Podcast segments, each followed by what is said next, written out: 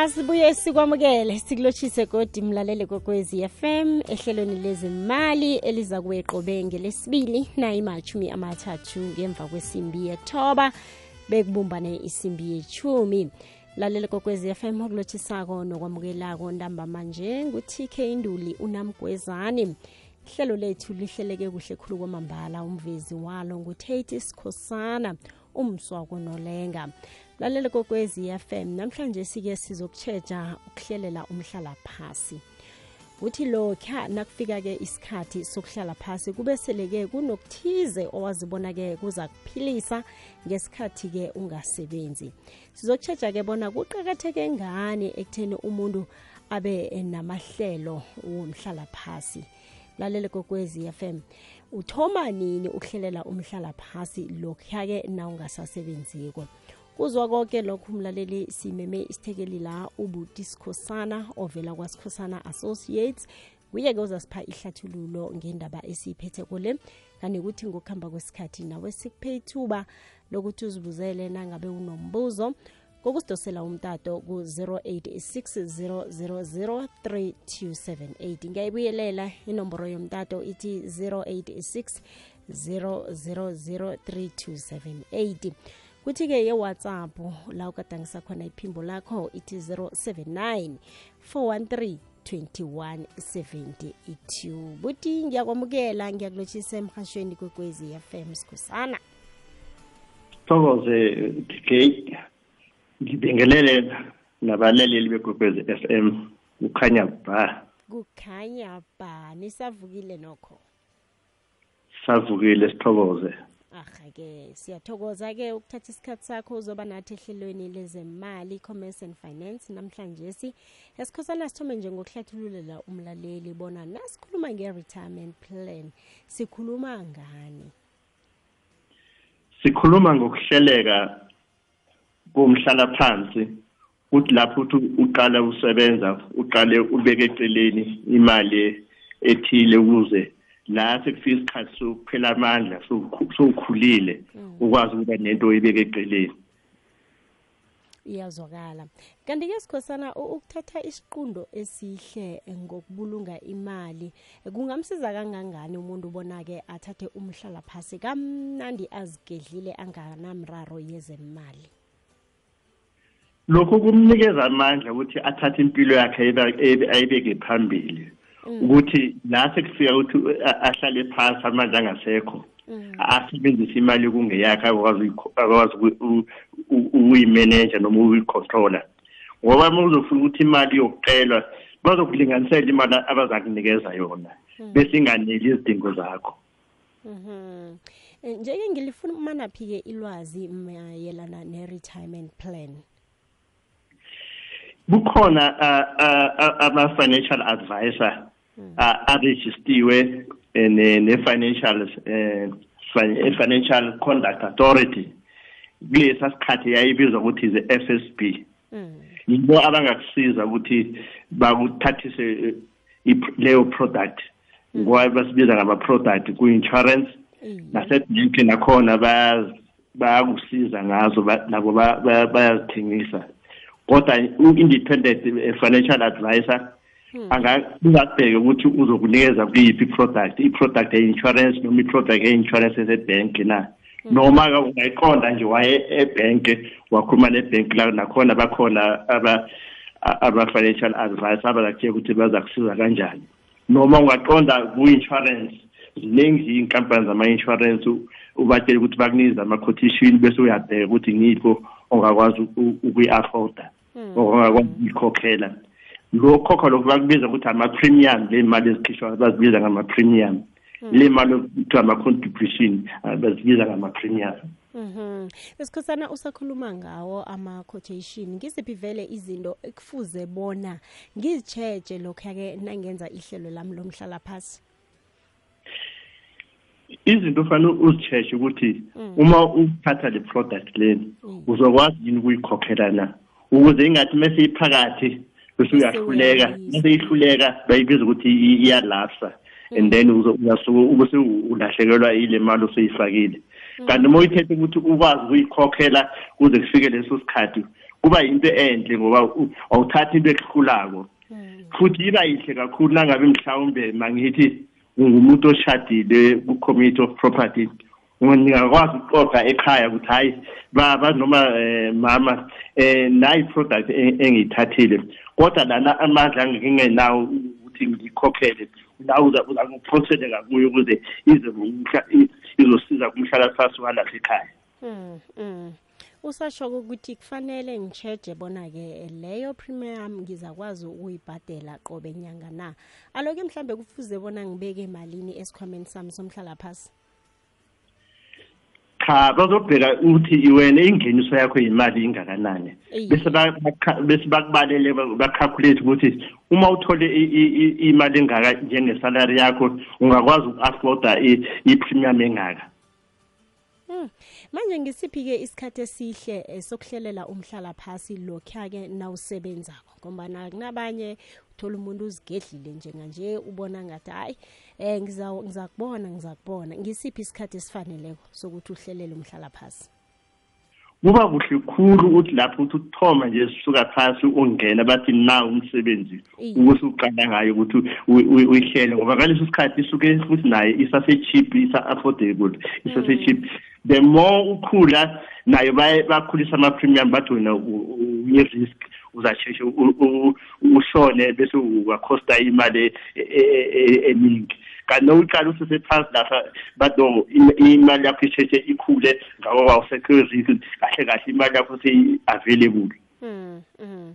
manje kuyakhonakala bona ngithathe ama-savings wami ngiwaphosele ngaphasi kwe-retirement plan cha mm. i-retirement plan ihamba yodwa. Is mm. not a normal investment eh njengonokubeka imali ebank lapho uthi nongifuna ne-investment bese izothola i-interest. Ayifani. Mm. In a fixed term i-investment yokuqala ye-retirement ine-fixed term. Nobatshelile u-insurance noma kubhenki la uyithatha khona noma lo advice uzoba akunikeza uzokutshela ukuthi angeke ukwazi ukuyidosa le mali ungazange ufike ku-age fifty five ngakho-ke i-contract until uzofika ku-retirement because abantu abaningi kulesikhathi eh umthetho uyabavumela ukuthi nabathi 55 years old ukuthi ungaqala ukuthi no ngicela imali yami yomhlala phansi angisenawo amandla ngifuna ukuthatha i-early retirement. Ngakho-ke izoba i-contract ukuthi angeke ukwazi ukuyidosa le mali uma soyifaka lapho ku-retirement until u-reach u-age 55 ngiyakuzwa. Um sikhosana njenganje ngiba ukuthi khe siyogwinya amathe sizobuya kodwa siragele phambili nenkulumo yethu. Thokoza ahake mlalele kokwezi FM lihlelo lethu lezefundo commerce and finance. Siyabuya. Imini yaphakathi kweveke ingaba yide kodwana angeke wayizwa ubudenge. Kwekwezi FM khona isiphaphamtshini sesivukile breakfast show. Ngu-arvuna busayi nothando lakhe ngelwazi nefundiso ehlelweni ngimi nawe nozuzu ngesimbi yethoba bekube ngeyejumi nambili emine kuni ibumbano litsho ukuqina njengenyanda ibotshwe ndawonye. Sidishile the unity show nobubodabit yeshumi nambili bekube ngeyesithathu. Amathunzi anabile. Sibhincela ukuyothatha amandla matsha ngomsikinyeko we-triple ads noking b. Sikuphakele zemidlalo zitshisa ehleleni fulela wanethwa nobig joe 326 triple ads sikupha ilwazi ngezomnotho sikulethele ekufanele ulale uyazi ehlelweni hlala nami negusheshelo mrhatho 7 to 9 konke lokhu ukufumana kukhokwezi fm kukanyamba modimolle 90.6 fm ukuya edalstrom 107.7 fm kukhanyisa ikwekwezi fm hashtag umkhanyo corner. What kind of fun? Amachumi amabili imizuzu ngaphambi nakubethe isimbi yechumi usalalela umhasho ikwekwezi fm kukhanya ba hlezi nami utk nduli unamkwezani ehlelweni commerce and finance nekulihlelo lezefundo olethelwa yi-sabc education enriching minds enriching lives. Mlaleli kokwezi fm nosanda ukuvulela umhatsho siyakwamukela okwaphundwa kangako nokho. Ehlelweni lethu lanamhlanje sike sitsheje ukuhlelela umhlala phasi eh ukuthi lokhana kufika-ke isikhathi sokuhlala phasi kube sele-ke kunokuthize owazibona mlaleli kuza kuphilisa ngesikhathi-ke ungasasebenzi. Kungakho-ke simeme isithekeli sethu esibuthelele ilwazi eliqakathekileko mayelana lapha-ke ne-retirement planning ubuthi sikhosana. Yena-ke uvela kusikhosana associates nguye-ke osipha ihlathululo ngendaba le esiyiphetheko. Mlalele kokwezi FM nangabe unombuzo wamukelekile ungasithoma njenganje usidosele umtato. Inomboro ithi 0886 0003278 gadangisa iphimbo lakho lapha kuwhatsapp ku-079 413 2172 ngithokoze-ke ukungibambela sikhosana. Asiragele phambili-ke nehlelo lethu. Um khe sicaleke bona-ke eh mhlambe ke eh mangaki ama retirement eh ekufuze ngibe nawo. Nanyana ke kuyakhoneka ukuthi ngibe nangaphezulu kwelilodwa la mhlambe ihlelo elilodwa le retirement ungaba ungaba nawo adlule amabili noma amathathu uma ukwazi ukuwakhokhela iye. Ngoba nginikeze nje u-example uzothi ukuthi umuntu uyasebenza une-full time work usasebenza ikhampani enkulu ene-pension fund noma ene-provident fund. Ngako uyakwazi uyithatha ese-top up ukuthi nginemsebenzini ngine-pension fund noma ngine-provident fund kodwa nami ngenza eyami ngingedwa engaziwa ngumsebenzi ngumqashi wami engizenzela yona ngasese. Ake sitshetshe bona-ke nakhulunywa nge-retirement annuity. Kusuke kukhulunywa ngani-ke lapho? Kahle kahle nasekukhulunywa nge-annuity kusuke kukhulunywa ngale mali mase upensiona le mali abazokunikeza ne-monthly like a salary in a, on a monthly like a pension on a monthly iyona annuity leyo. Okay ingabe sikhona mhlambe isamba eh mhlambe la ku-retirement okhona ukuthi usithole? Nanyana vele kuya ngesivumelwano senu eh naleyo retirement plan oyenzileko cha before bekhona lo kodwa manje ugovernment ukuvalile ukuthi uzothatha ijathi lokho okuhambela lekhaya. Ngoba after three days uyabuya uthi wena awusenamali uzocela ugovernment ukuthi akusize ngemali. Manje sebenza umthetho o-general to wonke including those uh, government uh, pension fund and those big companies nama-pension fund na-provident fund ukuthi umuntu manje uzothatha i-one third yaleyo mali i-retirement bese i-two thirty bese beyibhadalese ne-annuity on a monthly basis ukuze ahlalane i-pension Mhm. Kuyakhamba ke nokho uthole bona ke labo ukwazi khona ukuthola imali ubhadele i-retirement yakho awusayitholi. Kwenzakalani ke lapho? Mhlambe awusakhona ukubhadela ama premium wakho? Kungako ngithi ngigizelela ukuthi umuntu makathathe i-premium azothi nalesi sasikhathi lana kuthiwa ukuthi akakwazi akasebenzi mhlawumbe umsebenzi uphelile temporarily akwazi ukuthi nakahlanganisile kwakwazi ukuyikhokhela. Noma ngiyanikeza isibonelo ngithe uma umuntu ushade in committee of property ngoba ungumama osebenzako mhlawumbe une-peace job nawe une-peace job ungubaba niyakwazi ukuhlanganisa ukuthi le retirement ihlale ikhona. Nihlanganise ekhaya ukuthi le premium ingaphelile endleleni kuzilahle kodwa naye into engangikhipha kuyo kukhona nama-financial advisor anobuqeqesho amanye angakathi angathi kuwe no noma leli uyithathe masifake insurance yani encane ukuthi lana mhlawumbe uphelele umsebenzi for three months six months ikwazi ukuzikhokhela nje ngemadlana encane ukuthi ingalapsi until uze uthole omunye umsebenzi. Iyazwakala njenganje imizuzu ilithumi nahlanu esele kungaphambona kubethe isimbi yethumi ulalela umhasho ikwekwezi FM kukhanya ba. Aloke sikhosana ke ngiziphi mhlambe indlela namkha amagadango steps amahle eh wokuhlelela umhlala phasi wami okufuze bona ke ngwalandeli mabili amahlelo akhona njengamanje ugovernment awapromotayo ukuthi ngabe siyawasebenzisa. Yiyo le retirement planning annuity bese kuba khona ekuthiwa i-tax free investment. Leyo i-tax free investment ugovernment uthi eh saver up to 36000 in a year. Then ungakodwa eh, eh, in a lifetime usave lo 36000 eh, in a year kodwa ima ingadluleli ku half a million ku 500000 in a lifetime.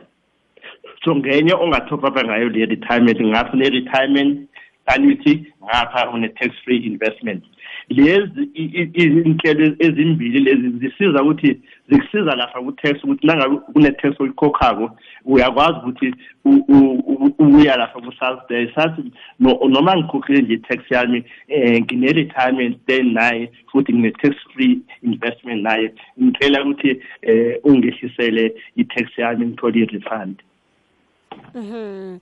Kuthatha inike mhlambe ukuthi ukwazi ukuyithola le tax free retirement.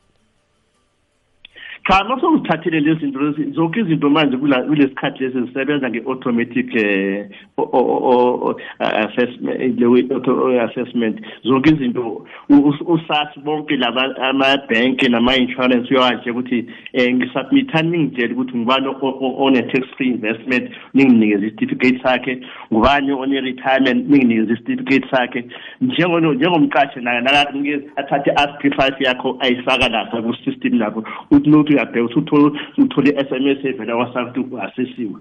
Nanangabe khona i-refund vele izinto lezi um ukuthi automatically seziyabazi-assesa assess Ahake iyazwakala. Sokusela amanzi ke godu sikhosana emva kwalokho sizobuya siragele phambili. thokozeni ma. Ahake. landela ikwekwezi fm enkundleni zokuthintana ukubana ikwazi ikulandele nawe tiktok at ikwekwezi fm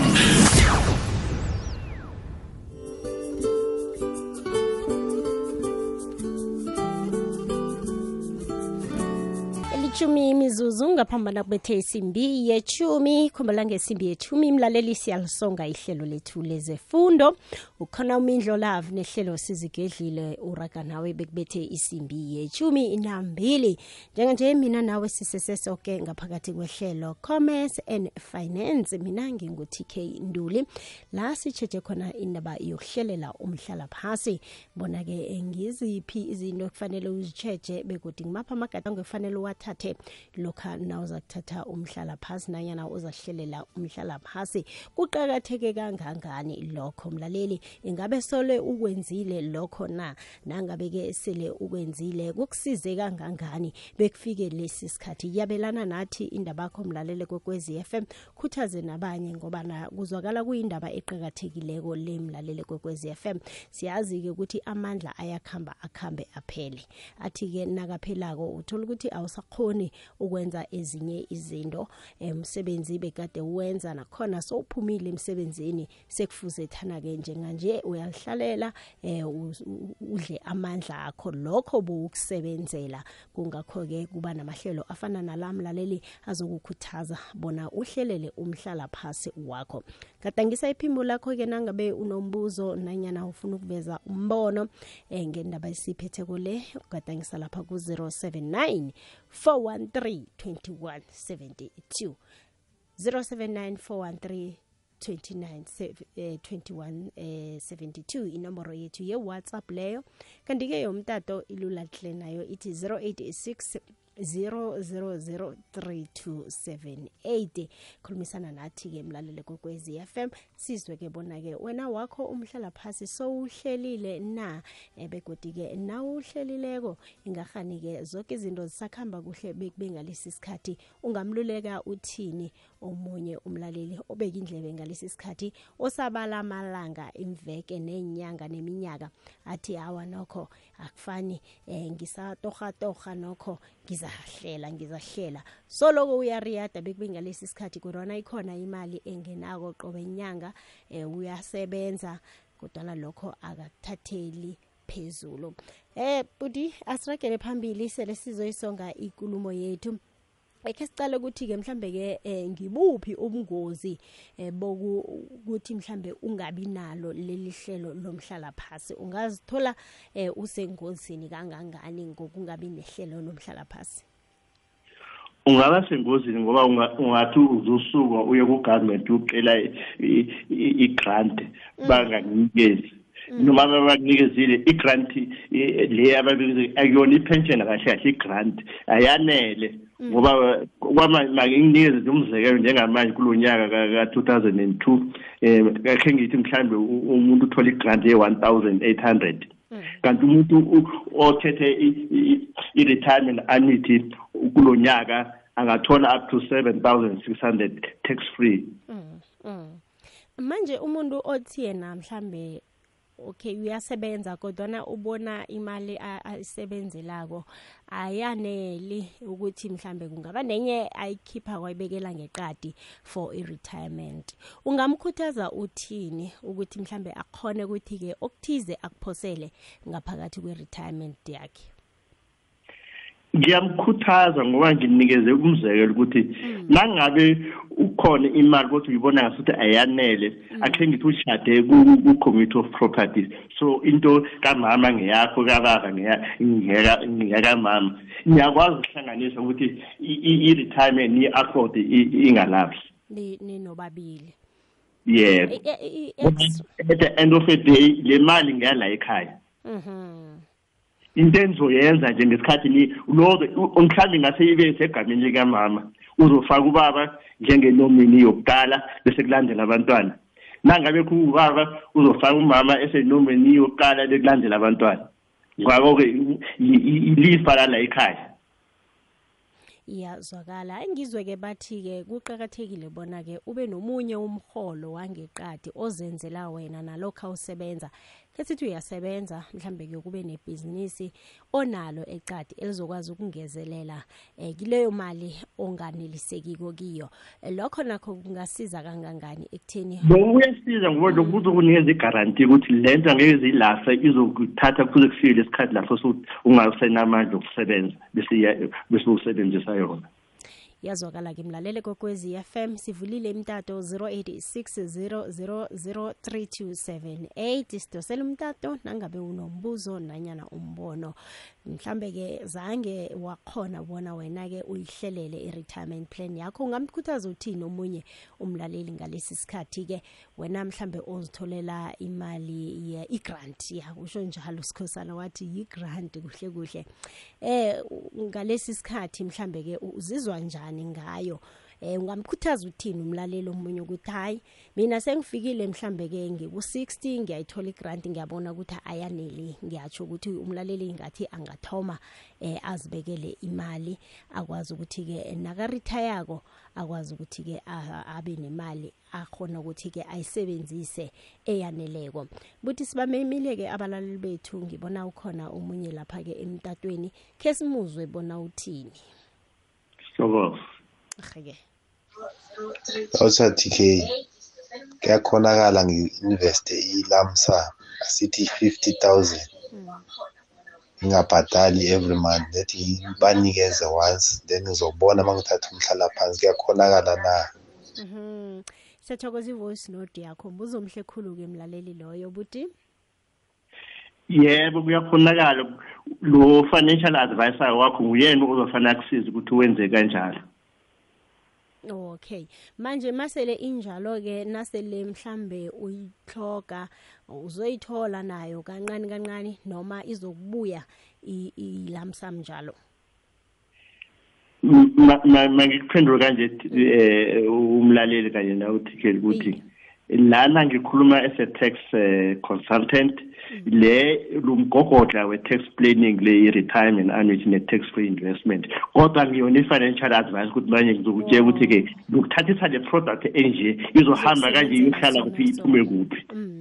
Leyo sizoyithola kulo financial advice ezokunikeza lelo hlelo le Okay, no iyazwakala buti. Ngiba ukuthi sisongeke inkulumo yethu njenganje ngamaphuzu aqhakathekileko ongawachiyela umlaleli kokwezi FM.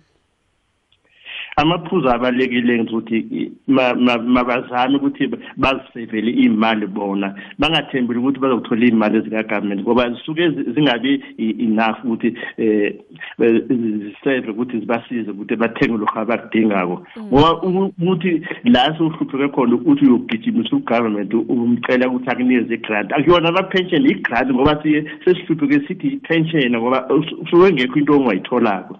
Kodwa sebenzisana abantu aba-registered with the financial service conduct authority. Iyazwakala. Kastop umlaleli nangu emtatweni kwekwezi siyakwamukela. Kunjani dk sikhona kunjani mfo?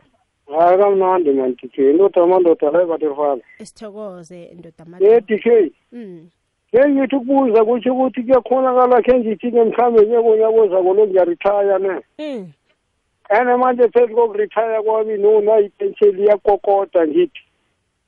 No bengibawa ukubuzela ukuthi le emalini edoswako le esars le i-up five yona sidlula njani lapho?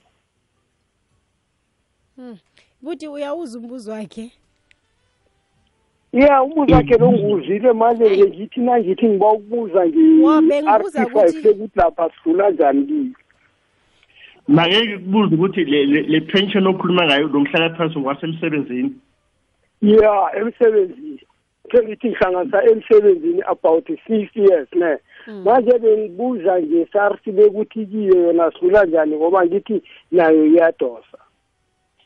Yebo eh Alright, akabeke izohamba yodwa kodwa kukhona another tax directive la Yeah. nabazoyikhipha le mali yakho bazokuthumela i-information i-insurance iyakuthumela i-information kusasa ibuze usasa ukuthi mayideducte malini for leyo pension fund yakho. Bese utsho nawe ukuthi wena uthatha malini uyayithatha le one thirty yakho noma ufuna yonke isebenze ese eh, uyithole monthly ese retirement eh, payment eh, ozoyithola ese salary every month noma ufuna ukuthatha i-one thirty yakho na? Ya ne ngiyabonga ngoba jesi kakhulu bengifuna ukwazi nge-sars le ngoba yona ilobe iyatobisa. Nokuthi ukuthi manje ungiphandlululile yabona aha-ke sithokoza thokoza mina. Aha-ke mlaleli kokwezi FM sithokoze khulu kwamambala. Imtato sithokoze lapha naku-whatsapp. Um buti sithokoze khulu kwamambala ehlathululo yoke osiphe yona. Singalayelisa umlaleli kokwezi FM ekhaya sithokoze kwamambala ngibalalisi nabalaleli bekugwezi f m. Ahake sithokoze khulu ube nobusuku obuhle. Sithokoze. Aha mlaleli kwekwezi m besikhulumisana naye la ngubuti sikhosana ovela kwasikhosana associates. La besikhuluma khona-ke ngokuhlelela umhlala phasi ngithemba ukuthi ufunde litho likhulu umlaleli sithokoza imtato sithokoza nalaba agadangise khona amaphimbo mina nawe siyahlukana njenganje. Ukhona umindlo love nehlelo sizigedlile bekubethe isimbi yechumi nambili sizohlangana-ke godu ngelesine ehleleni lezefundo lona-ke elibizwa nge-civic education. Beka indlebe emahlelweni womhasho ikwekwezi fm ibizo lami ngingu-tk unamgwezani ngikhambile